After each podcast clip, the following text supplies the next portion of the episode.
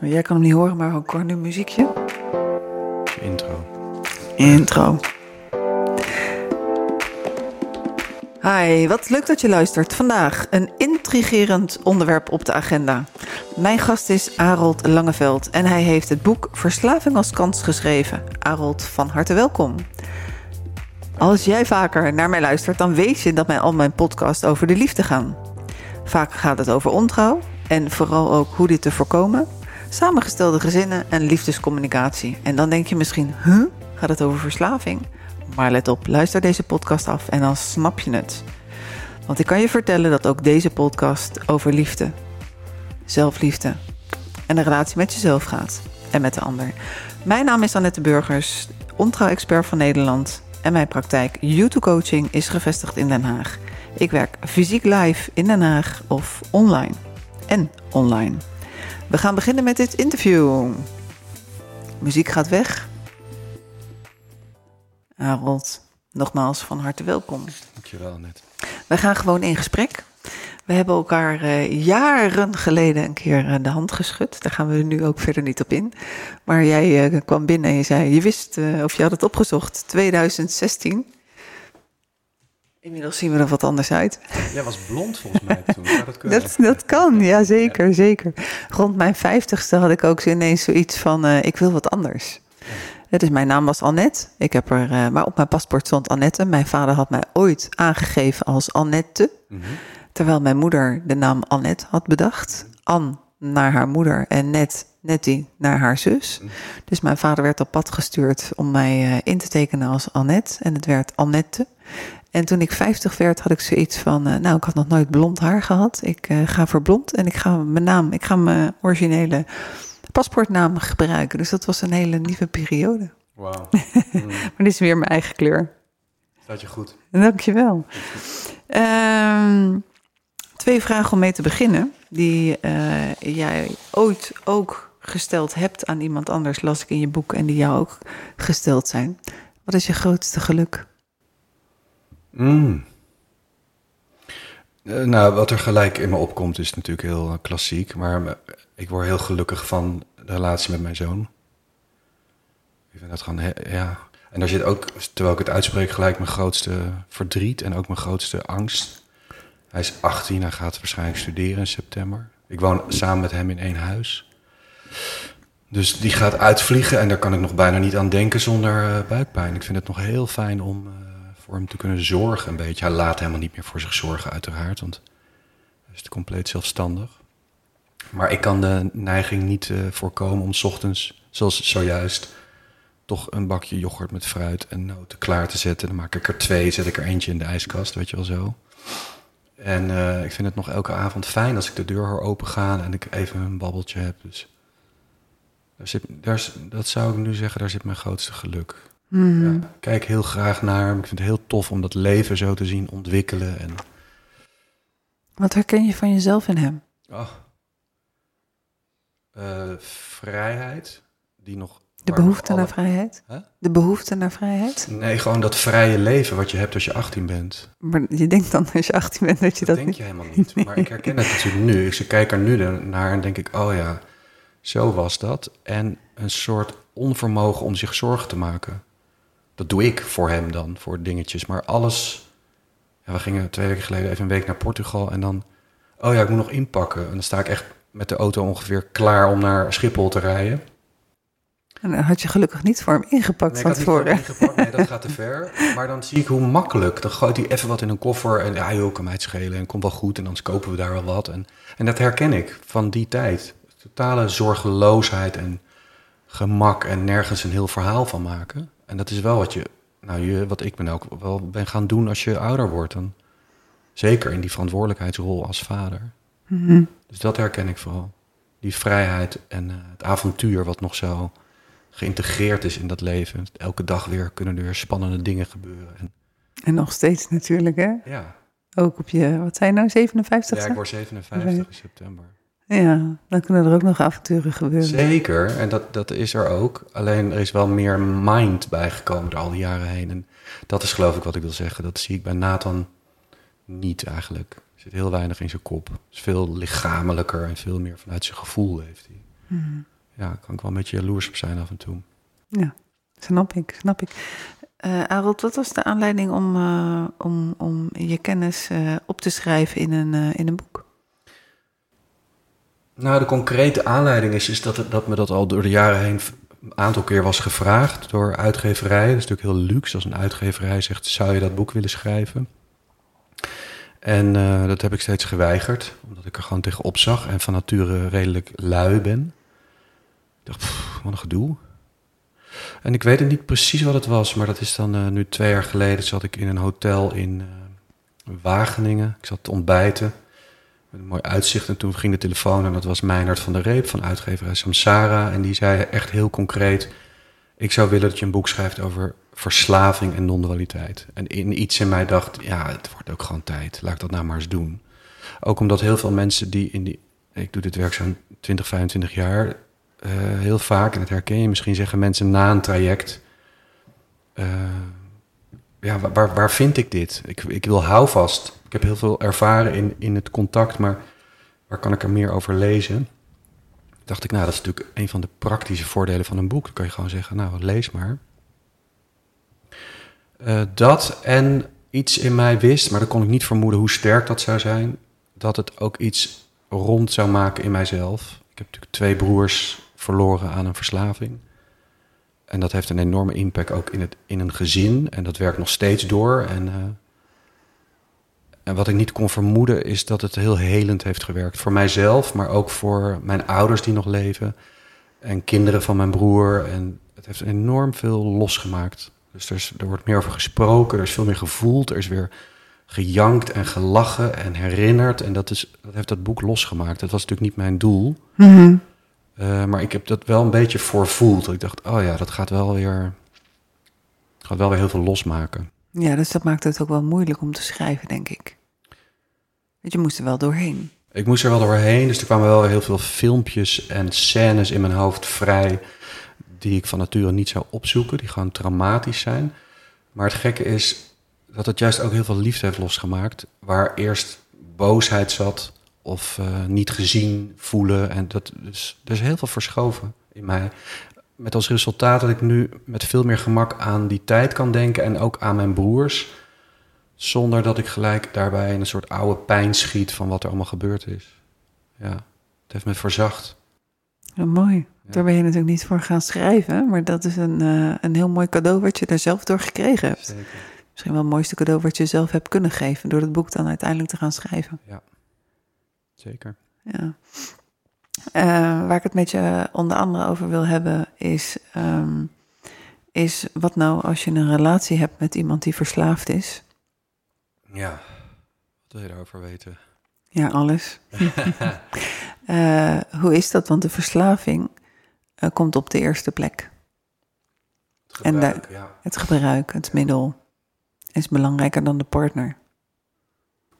Ja, als je dat aan iemand met een verslaving zou vragen. Je zal trouwens merken dat ik het woord verslaafde probeer te omzeilen. Want die bestaat niet, maar we hebben wel mensen met een verslaving. Ik denk als je dat aan iemand met een verslaving zou vragen, uh, komt je verslaving op de eerste plaats, zal hij dat niet zeggen. Zegt hij nee hoor. En sowieso, Nou, sowieso natuurlijk niet met zo'n suggestieve vraag die gesloten is. Ook dat nog. Komt hij gelijk in de weerstand. Ja, ja. Nou ja, als jouw vraag is hoe is het om in, in relatie te leven met iemand met een verslaving. Dat is je vraag. Hè? Mhm. Ja, dan, dan zijn dat natuurlijk heel veel relatievormen. Dat kan van ouders naar een verslaafd kind, of naar een verslaafde zus of broer, of een verslaafde ouder, of een liefdesrelatie. Ja, en die wil ik aanstippen graag. Ja. Nou, het is in, in alle relatievormen is het uh, behoorlijk kloten, zeg maar. Mhm. Laten we het daarop houden. Ja. Het is een, je, ja, je wordt eigenlijk uitgenodigd in een, in, een, in een boksring, in een situatie waar strijd is, waar je nooit voor gekozen hebt. En ineens sta je daar en, en krijg je klappen en moet je incasseren. En sta je machteloos in de hoek en heb je heel veel pijn te verdragen. En, en weet je eigenlijk niet hoe je ermee om moet gaan. Dus is de kans groot dat je gaat terugvechten en terugslaan. En er komen allerlei emoties en, en dingen in je op die een mens eigenlijk niet prettig vindt om te ervaren. En uh, ja, het, het, het fundament van wat er eigenlijk plaatsvindt wanneer je in relatie leeft met, een, met een, iemand met een verslaving, is dat je wordt geconfronteerd met een diep gevoel van machteloosheid. En zolang je dat niet doorhebt, zolang niemand je dat vertelt, van maar je bent ten diepste machteloos over de verslaving van degene van wie je houdt, doe je eigenlijk alles wat in je macht ligt om van invloed te zijn. En is de grootste aanname en het grootste misverstand dat jij als partner een verantwoordelijkheid draagt in dat avontuur van je verslaafde partner. En, en het misverstand wat daar aan gekoppeld is, is dat je gaat denken als hij zijn verslaving heeft uh, los, als hij zich los heeft gemaakt van zijn gebruik en zijn middel, dan zijn we veilig. En, en ik, moet, ik moet daarvoor zorgen. Ik moet hem redden en ik moet van alles doen. Dus het is een heel sluimerend proces waar je ineens in een positie staat. Nou, niet ineens, dat kan dus ook jaren duren. Dat je denkt, hoe ben ik hier in godsnaam terechtgekomen? En hoe is het nou eigenlijk met mij? Hoe, was het, hoe is het eigenlijk voor mij dat jij een verslaving hebt? Dat, vraag, dat durft bijna niemand zich af te vragen. Ja, degene die ik daar ook in en ken, die zijn aan het werk, die zijn hard aan het werk. Om te zorgen dat uh, degene met de verslaving stopt met die verslaving. En die vergeten, die, die lijken wel een soort van uh, geïsoleerd of, of uh, gegijzeld in, in de eigen situatie. Ja. En ehm, als we bij het begin beginnen van de liefdesrelatie met iemand met een verslaving, mm -hmm. vaak is de, de, de partner het zich niet bewust dat hij verliefd is geworden op iemand met een verslaving. Mm.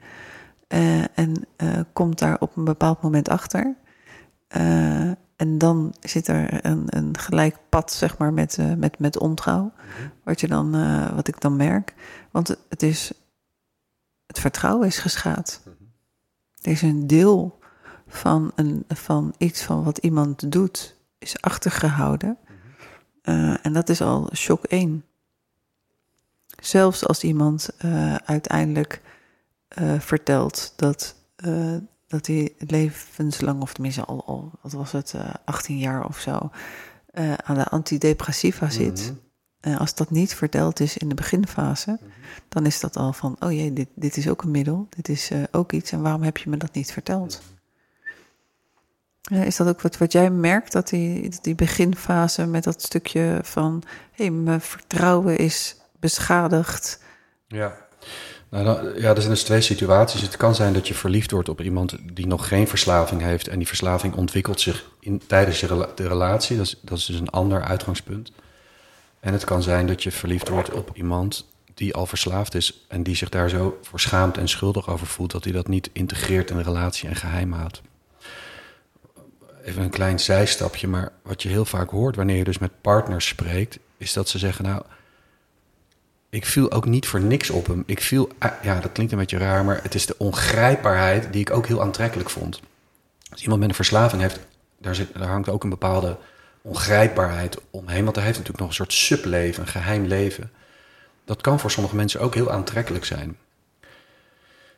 Uh, dus het is niet zo dat er als je iemand treft die al een verslaving heeft, dat er, dat er totaal geen signalen zijn. Als mensen terugkijken, zeggen ze heel vaak: ja, mm -hmm. die waren er wel. En die heb ik genegeerd. En ik dacht, nou, dat is incidenteel of dat uh, loopt wel los of zo. Nou weet ik niet meer wat je vraag is. Nou, bij het stukje, die, die eerste shock van het vertrouwen, dat dat ook heel erg lijkt op ontrouw. Mm. Ja, totaal. Totaal. We zouden toch eerlijk zijn, we zouden toch alles zeggen. We zijn toch transparant? Hoe kan je dat nou voor me achterhouden? Ja, dat voelt inderdaad alsof je partner een soort vreemd gaat met zijn middel, wat het middel ook is. En, dan, en als ik middel noem, moet ik eigenlijk steeds erbij zeggen: het kan ook een gedragsverslaving zijn. Dus dan gaat het niet om een middel, maar een bepaald gedrag waar dwangmatigheid in zit. Dus denk dan aan gokken of seks of eh, porno kijken of nou, noem het maar, alle gedragsverslavingen die we kennen. Uh, maar voor een partner is het, is het heel chockerend, ja. Om achter te komen dat er dus een deel was in het leven van je partner waar je geen toegang tot had, wat bij je werd weggehouden. En dat kan best wel traumatisch zijn. Als een deel van de realiteit voor jou verborgen is gebleven, dan, dan straalt dat uit naar de complete realiteit. Want je weet als partner niet meer, maar wat was dan wel waar? Dus die realiteit wordt ineens aan diggelen geslagen. Oh, hè? Dus dan was je helemaal niet die man die ik dacht dat je was. Maar hoe zat dat dan toen we vorig jaar in Zuid-Frankrijk waren? Ge- Gebruikte je toen ook al en alles komt ineens in een heel ander licht te staan. En dat is heel, dat is heel pijnlijk. Ja, dat is exact ook hetzelfde wat er gebeurt met, met ontrouw als er een andere man of een vrouw eh, eh, in het spel is. Van ja, toen waren we op dat feestje Ja. en toen hebben we staan lachen. Kijk eens die foto die ervan gemaakt Ja. is. Maar lachte je omdat je blij was bij, om mij of lachte je omdat je... ander. Precies. Ja, en dat is dus voor je hersens niet. Je hersens hebben dus geen. Eh, ervaren geen veiligheid meer in de realiteit die ze werkelijk hebben ervaren. Dat was mijn realiteit, maar dat is mijn realiteit niet meer. En ze, en ze krijgen ook geen houvast in waar ze zich dan nog wel aan kunnen vasthouden. Het is allemaal, staat het ineens in een ander licht. En dat, is, dat kan gekmakend zijn. Ook eh, cliënten die ik heb gehad die inderdaad te maken hadden met een ontrouw met een andere partner, een andere vrouw of man ja, wat ik dan zie is dat ze het er continu ook over willen hebben. En continu die filmpjes terugspoelen. En ja, en toen al dit en toen al dat. En ja, dat is heel pijnlijk. Hmm, en dat is, ook dat is ook noodzakelijk. Hè? Als je in het begin daar veel aandacht aan besteedt, dan komt het, kan het vertrouwen weer wat sneller terugkomen. Dan kan het proces sneller gaan, want degene die geen ontrouw heeft gepleegd, die bepaalt het tempo van, eh, van, van de heling uiteindelijk. Nu is het denk ik wel een groot verschil dat, eh, dat ehm, als, je, als er ontrouw is en het gaat over man-vrouw, dan daar zit nog steeds, laat ik dat vooropstellen, een heel groot taboe op. Maar dan weten mensen wel de weg naar een therapeut te vinden. Maar als er eh, ontrouw gepleegd wordt, in, in, als, we, als ik dat woord gebruik in de zin van een partner is, eh, gebruikt verslavende middelen of is, heeft een verslavend ged- gedrag, dan weet ik niet of dat zo is. Dat mensen dan ook met dat stukje in de relatie samen de weg naar een therapeut Oh, zullen, vi- zullen vinden. Ja, Omdat dan heel duidelijk is, eh, of tenminste heel duidelijk is. Ik denk dat degene met een verslaving, met verslavend eh, gedrag, dat daar de vinger naartoe gewezen wordt, want daar zit het probleem. Dus ga jij dat maar oplossen. Mhm. Ja, nou ja, wat ik er gewoon vanuit mijn praktijk over kan zeggen, is dat het eerste contact wordt eigenlijk bijna altijd gelegd niet door degene met een verslaving, maar door de partner van diegene, of een vader, of een zus, of een broer, of een collega, of whatever. Bijna altijd. Het is zelden degene met een verslaving zelf. Dus het is een omgeving die zich zorgen gaat maken en dan, en dan horen ze van, nou, uh, zo iemand als ik, uh, hier is een nummer. En dan krijg je dus een telefoongesprek wat begint met, nou, mijn broer is verslaafd.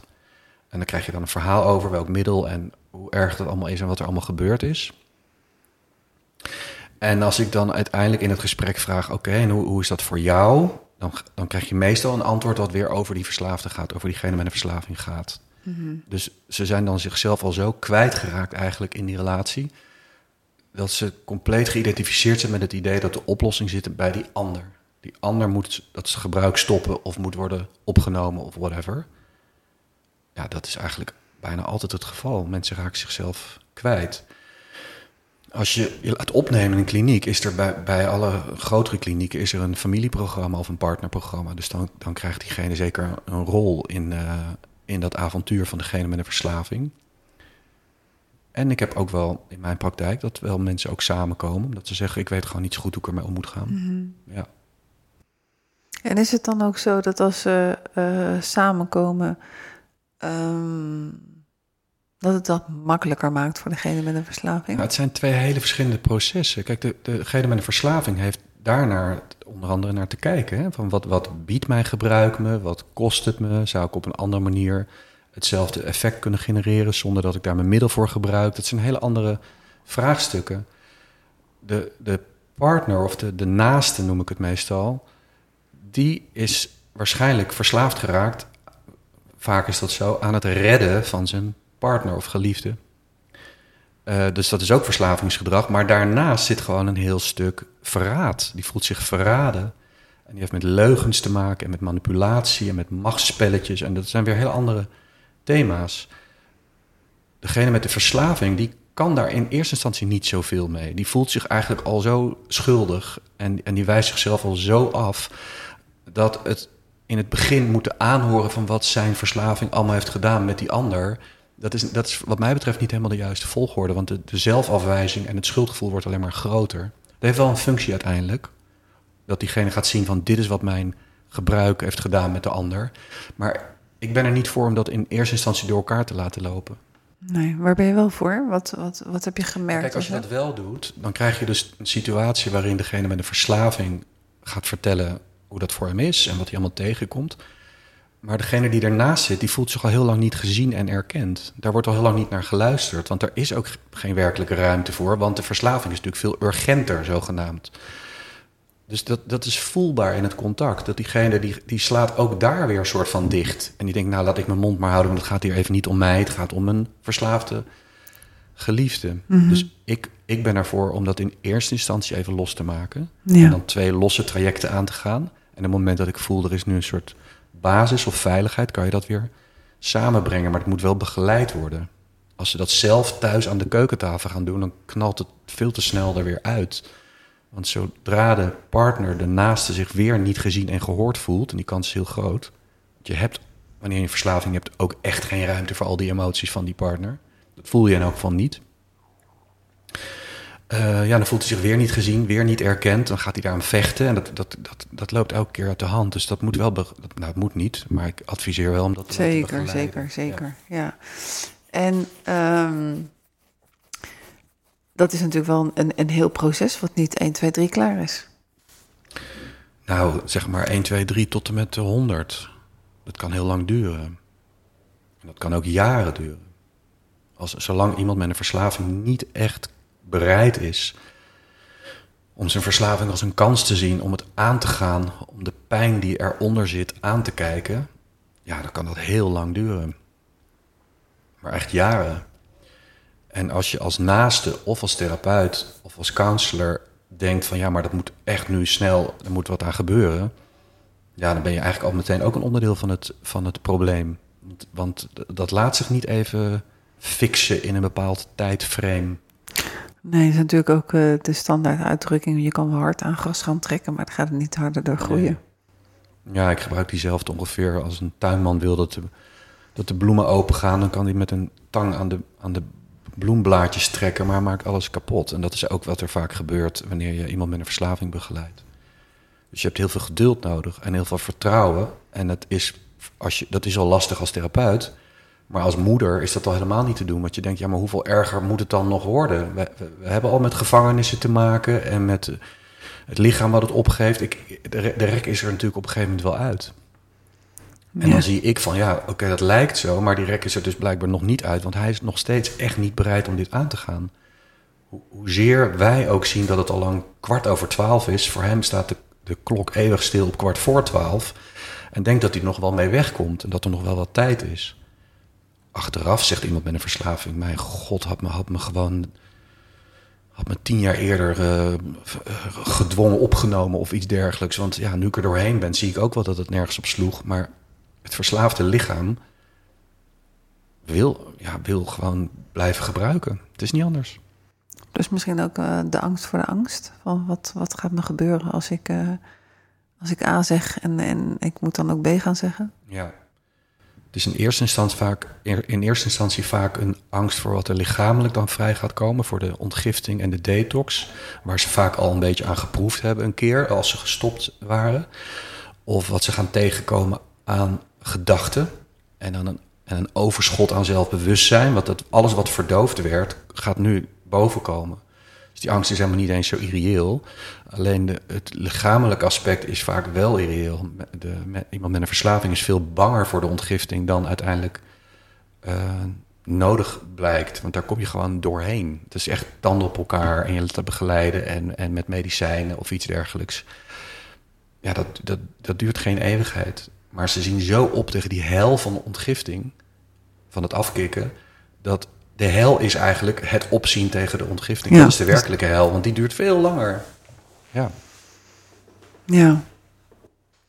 In, in, in je boek heb je eh, bespreek je ook een, eh, een piramide. Mm, Ik vond hem wel eh, heel duidelijk ook om, eh, om te zien. fijn.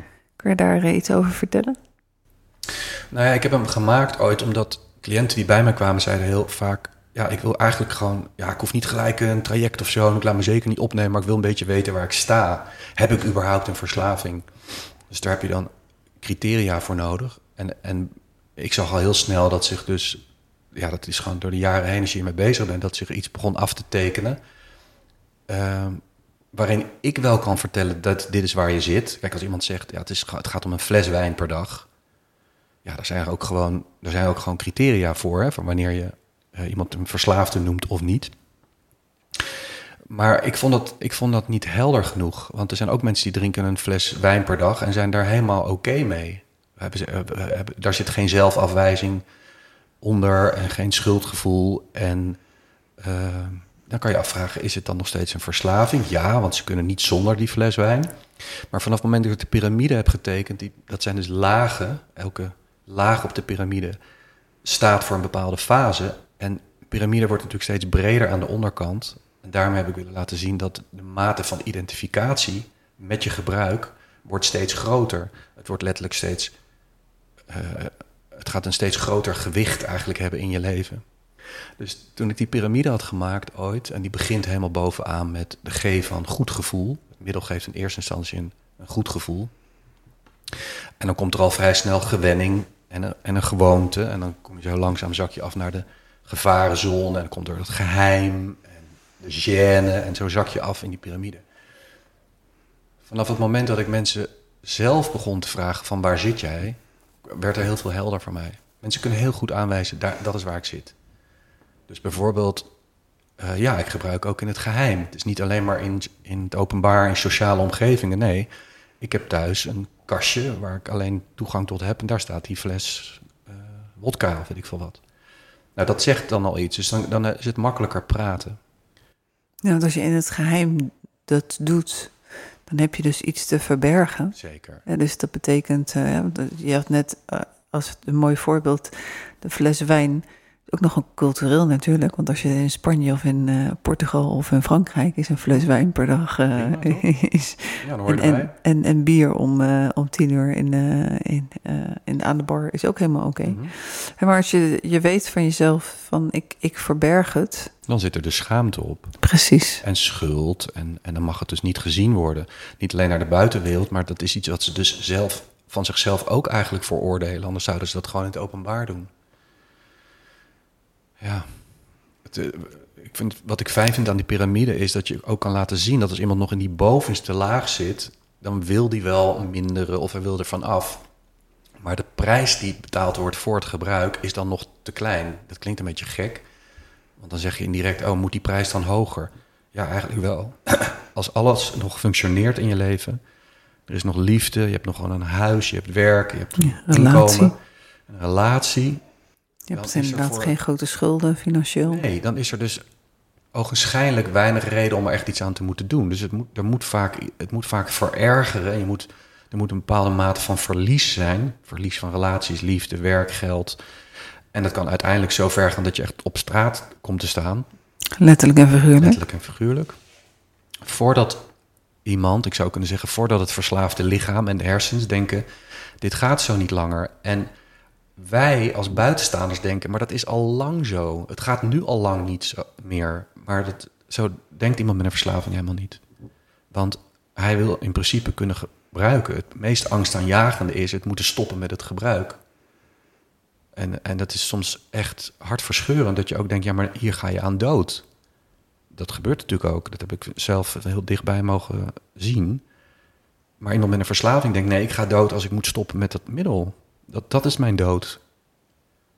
Nou ja, je hoort al in hoe we het er nu over hebben, dat naasten en partners worden vooral geconfronteerd met een, met een hele grote mate van machteloosheid, waar ze geen buiging voor maken. Alles behalve dat. Ik ga niet gewoon mijn machteloosheid erkennen en mijn handen ervan aftrekken. Nee, ik blijf een rol spelen. Want als ik die rol niet meer speel, dan kom ik in contact met mijn eigen schuldgevoel en mijn zelfverwijt. Want dan heb ik je in de steek gelaten en heb ik mijn verantwoordelijkheid ontlopen. Ja, het is allemaal zo menselijk en logisch. Mm. Zeker voor ouders ook. Ja, je, je hebt een uh, mooi voorbeeld in je boek. Ik, uh, ben, uh, ik denk altijd heel erg visueel. Ik had gelijk plaatjes erbij. Van een dame met een verzamelwoede. en die een ongeluk eh, krijgt. Kan je daar eh, iets over vertellen? Ja, heel, heel aandoenlijk verhaal vond ik het eigenlijk.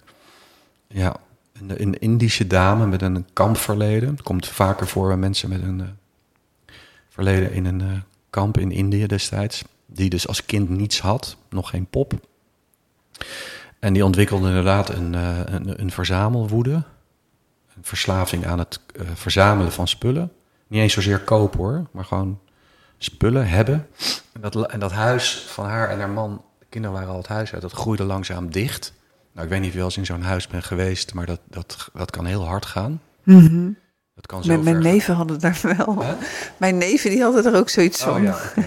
Nou ja, dat is... Dat, je, dat, je de, oh, dat je moet kijken waar je kan gaan lopen. Je moet er overheen met een polstok of zo. Nou, ik ben in situaties geweest, dat, dat vergeet ik gewoon nooit meer. Dat, dat, je kreeg de deur niet eens open, dus die moest je open duwen de stapels spullen en kranten en boeken. En dan is het een soort doolhof, een gangetjes van, van nou, net 20, 30 centimeter waar je doorheen moet kruipen tot aan het plafond.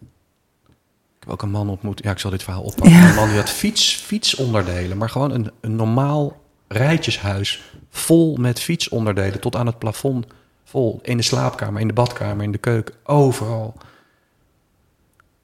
En, niet, en maar niet zien van dit is krankzinnig, dit is gevaarlijk, dit is bizar. Maar echt gewoon, zo moet het blijven. dit, is, dit is wat ik wil. Nou goed, deze dame die bouwde dat hele huis vol. En eh, zij brak haar heup. En kon dus niet met de brancard naar buiten.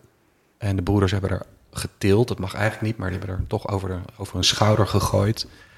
En toen daarna kwam er dus een gesprek daarover in het ziekenhuis al. En ja, het, was, het, was, het geheim was, lag natuurlijk nu op tafel. Niemand wist dat.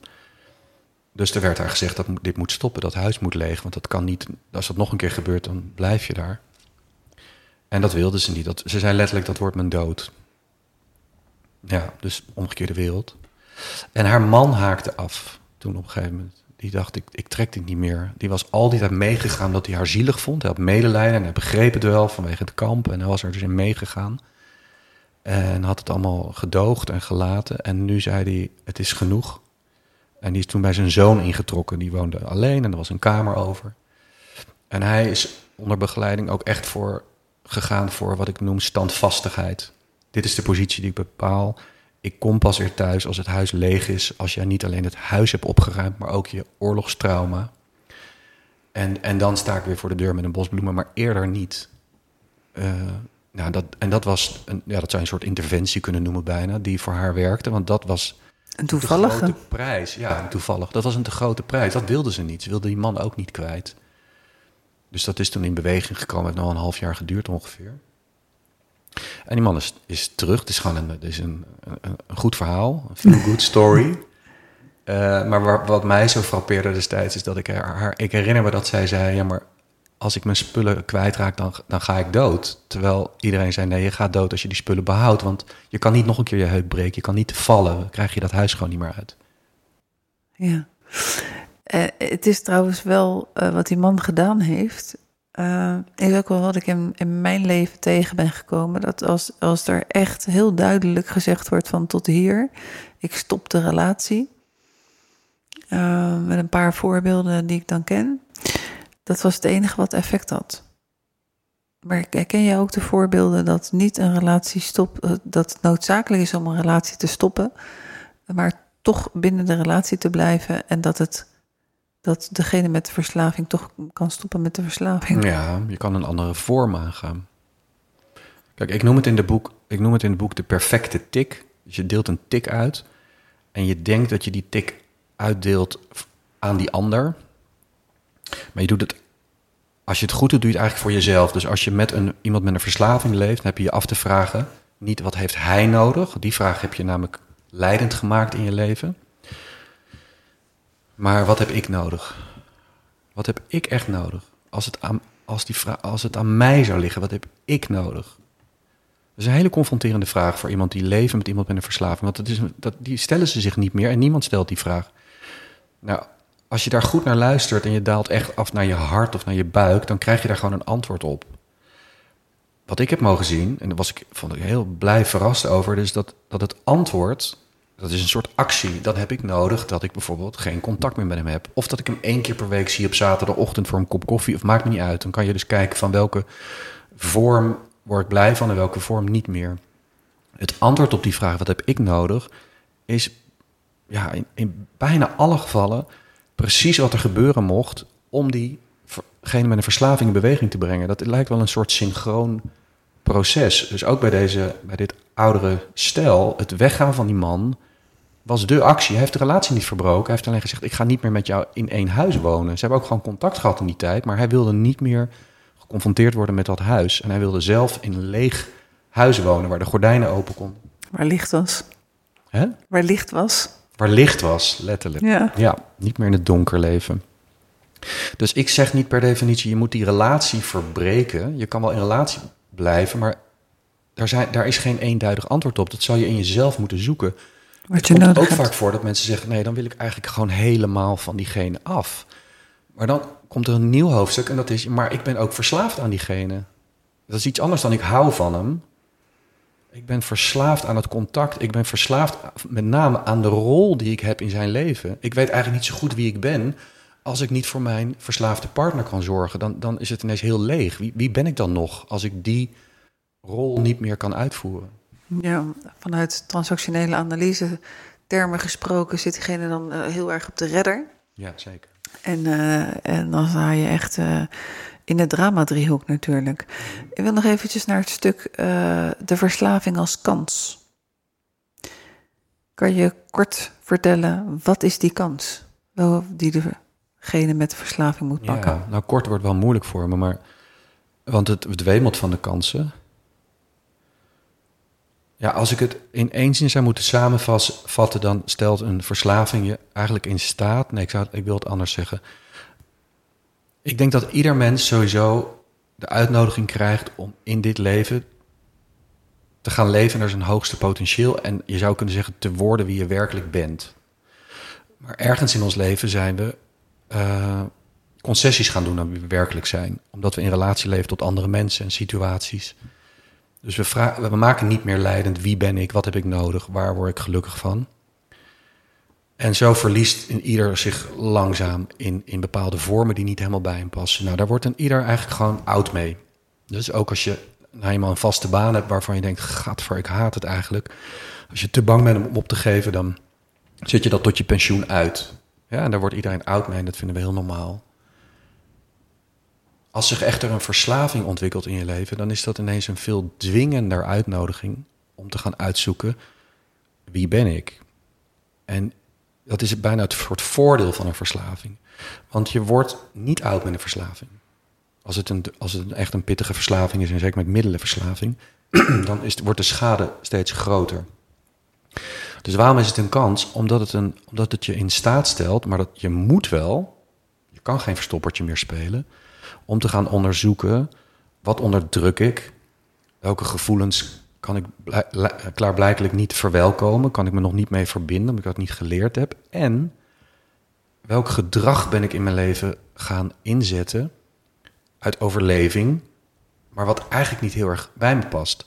Dus het voorbeeld wat ik daarin wel eens gebruik is als je bijvoorbeeld al op jonge leeftijd bent gaan pleasen. Dat is iets waar heel veel mensen in herkennen omdat je een dominante vader of een moeder had. Of kan me niet schelen waarom, maar je bent gaan pleasen. Dus je bent niet meer echt vanuit je hart en vanuit je buik gaan opereren, maar steeds gedacht van, wat heb jij nodig? En ja, dat is gedrag wat nog wel zelfs wordt beloond ook in het leven. Dat vinden we eh, altruïstische, fijne mensen die zich ten dienste stellen van anderen en steeds de ander op hun gemak stellen.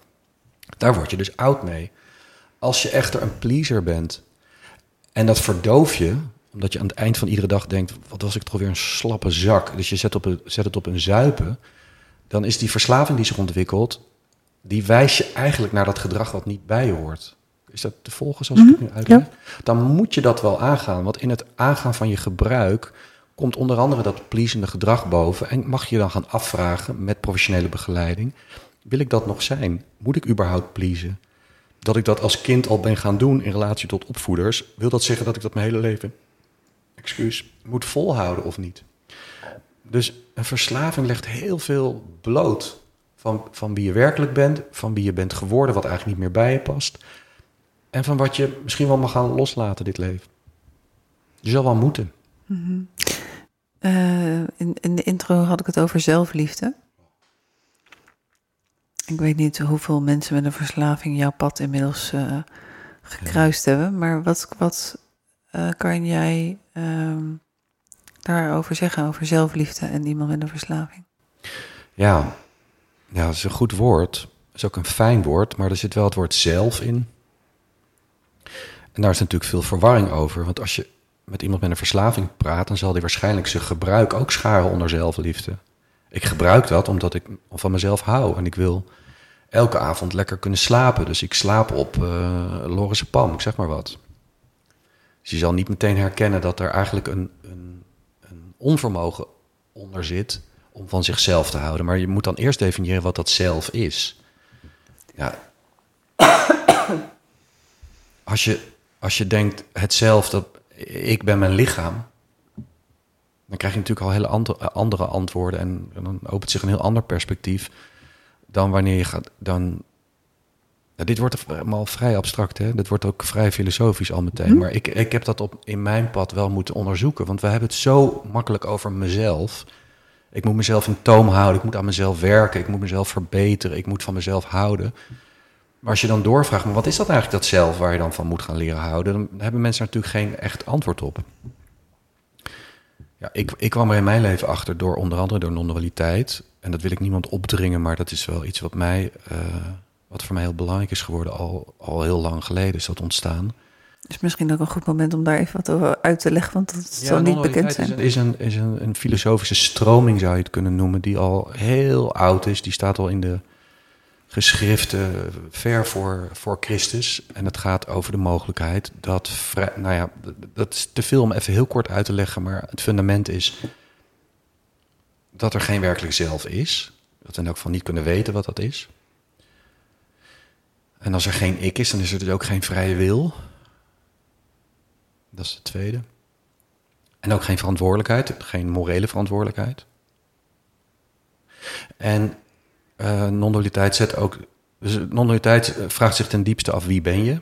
Maar daar hoort, daar hoort bij dat ook tijd bijvoorbeeld in een heel ander licht komt te staan. Dus wij zien tijd als iets lineairs, verleden, heden, toekomst. Als je echter gaat kijken met non-duale ogen, dan zie je dat het altijd nu is. Dat het in het verleden altijd nu was, dat het in de toekomst altijd nu is en dat het nu nu is. En dan is het alleen de mens eigenlijk in die hele schepping die rondloopt met het idee dat hij een zelfstandig handelend wezen is. Een ik met een vrije wil die zich door de tijd heen beweegt. Nou, dat vinden we totaal normaal uh, paradigma. Wil ik ook niemand afpakken. Maar wanneer je met non-dualiteit in aanraking komt, dan kan dat een beetje gaan verschuiven. Ik ben weer de draad kwijt. Waarom ging ik dit nou maar vertellen?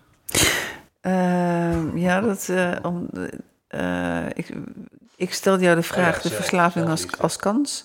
En toen had ik het over zelfliefde. Ja. wat je tegen was gekomen. En toen maakte je de link met non-dualiteit. Ja. Nou, om het maar kort te maken dan wat mij betreft is het zelf is dat wat is. Nu, mensen die nu luisteren, die gaan nu al afhaken denken, nu dat wat is. Daar bedoel ik gewoon mee dit, dat wat is. Dit, huidige moment, dat wat je nu zintuigelijk waarneemt. Ik kijk naar jou, jij kijkt naar mij. Dat wat je nu hoort, dat wat je nu voelt, dat wat je nu denkt. Dat wat je nu ruikt, dat wat je nu proeft, dat wat is.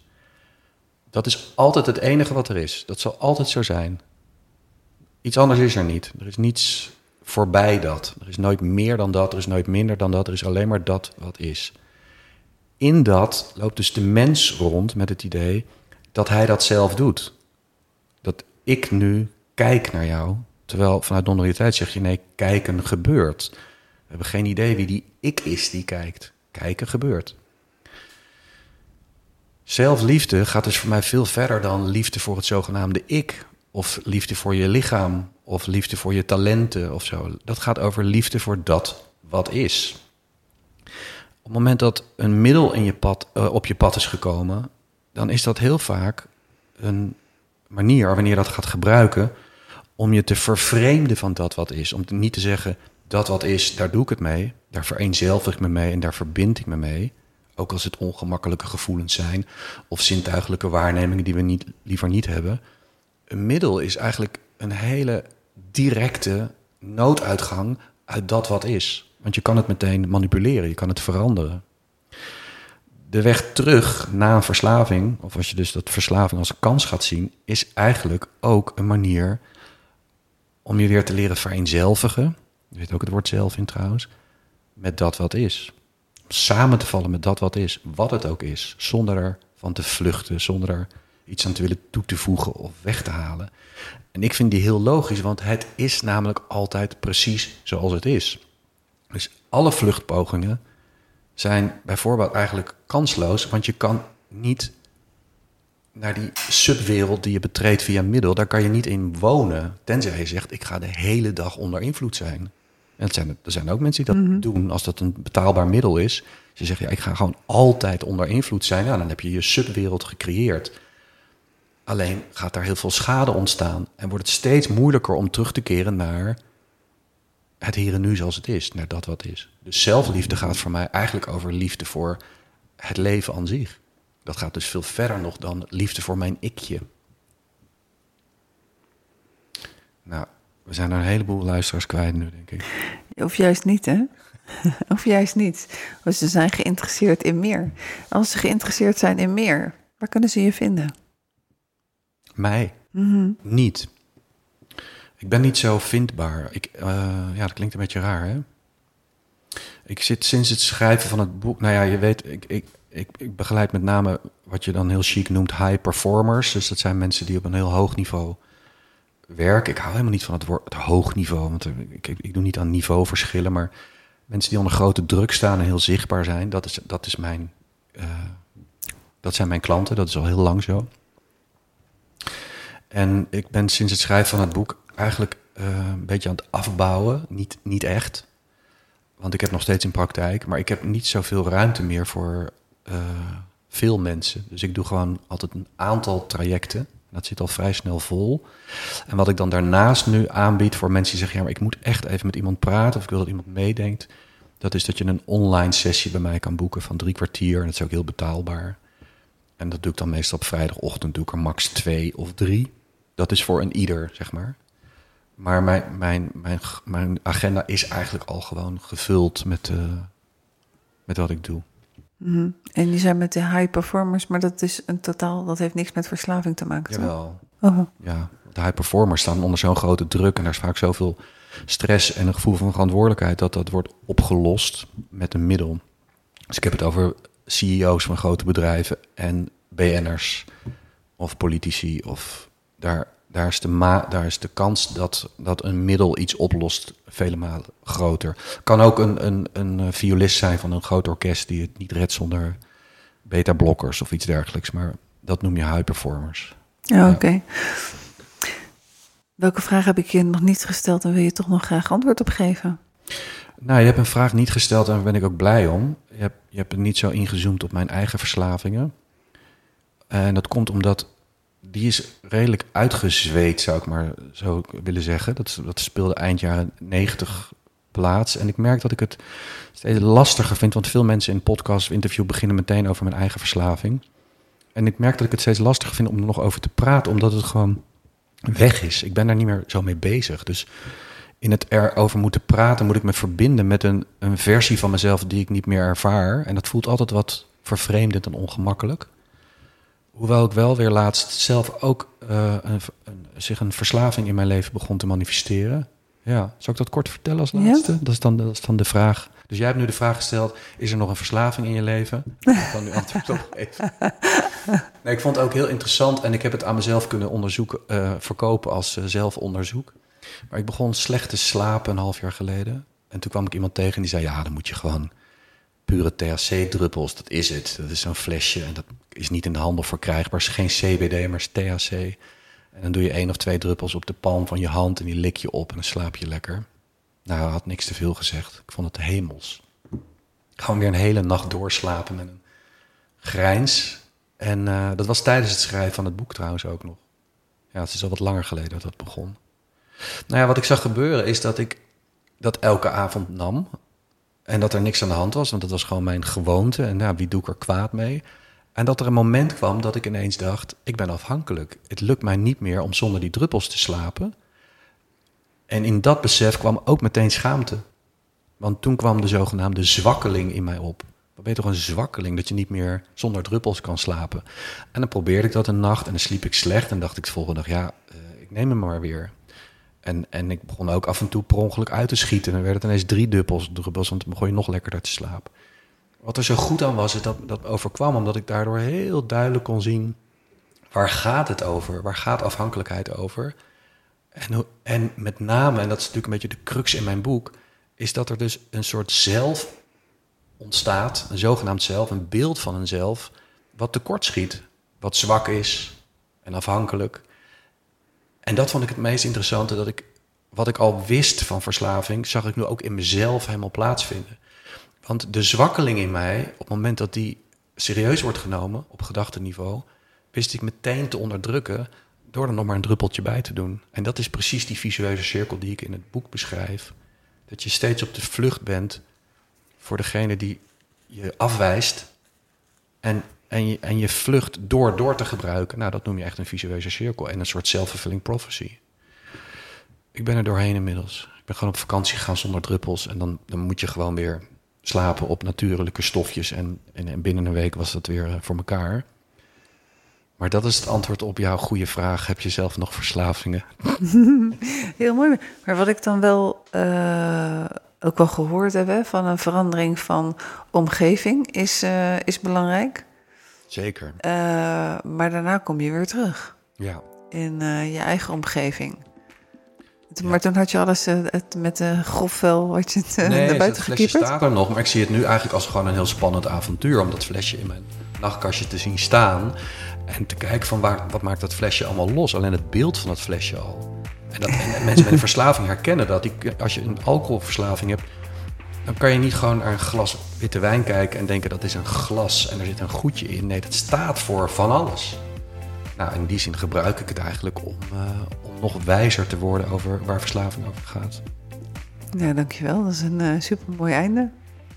Voor de luisteraar ook, dankjewel.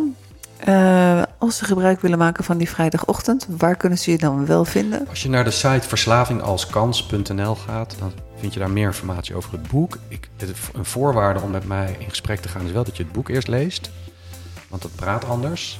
Uh, en dan staat er ergens contact met Harold Langeveld. En dan kan je gewoon zo'n online sessie boeken. En dan krijg je een mailtje van mij met een datumvoorstel.